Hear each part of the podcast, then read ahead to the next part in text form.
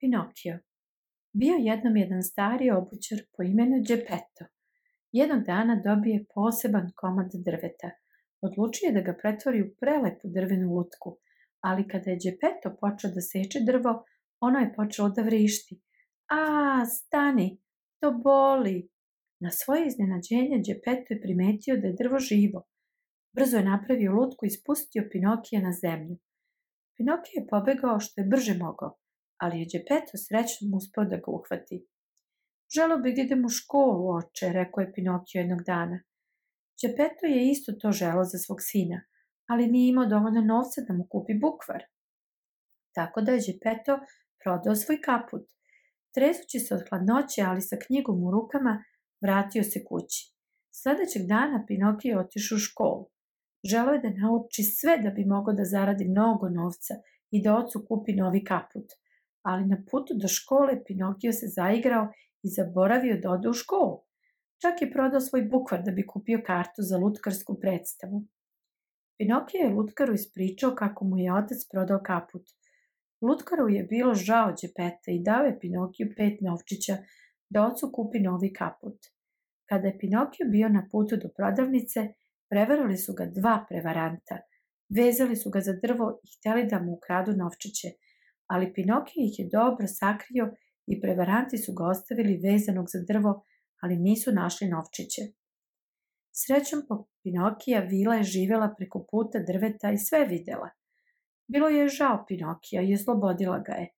Pinokio je pričao o svojim avanturama, ali kada je pitala gde su novčići sada, lagao je i odmah je počeo da mu raste nos. Ovo je iznenadilo Pinokija i on je obećao da više neće lagati. Vila ga je poslala ka džepetu, ali na putu je ponovo naletao na prevarante i ovaj put su mu ukrali novčiće. Džepeto je bio srećan što je Pinokio ponovo kod kuće, ali je bio ljut što je prodao svoju knjigu. Ipak Džepeto je Pinokija vratio u školu. Ovog puta Pinokio je naletao na najlenjeg dečaka u školi. Karlo je ubedio Pinokija da mu se pridruži u poseti zemlje igračaka. Pinokio mu se pridružio i zabavljao se nekoliko dana. Ali onda, jednog dana, probudio se sa ogromnim magarećim ušima. Nije mu trebalo dugo da se potpuno pretvori u magarca. To se dešava kada bežite iz škole.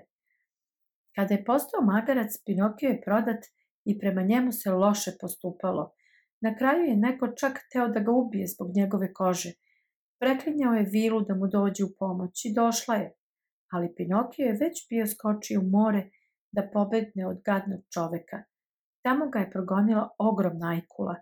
Plivo je najbrže što je mogao, ali ga je ajkula ipak progutala. U ajkulinom stomaku bio je mrkli mrak. U pomoć, vrisnu Pinokio. Onda je kao iz vedra neba ugledao malo treperenje vatre. Nije mogao da veruje svojim očima. Džepeto je držao baklju. Otac i sin pali su jedno drugom u zagrljaj, plačući od sreće. Ispričali su jednom drugom sve avanture koje su imali i pronašli na način da pobegnu iz stomaka ajkule. Kada se Čepeto i Pinokio nakon mnogih drugih avantura stigli kući, čuje da je Vila u bolnici.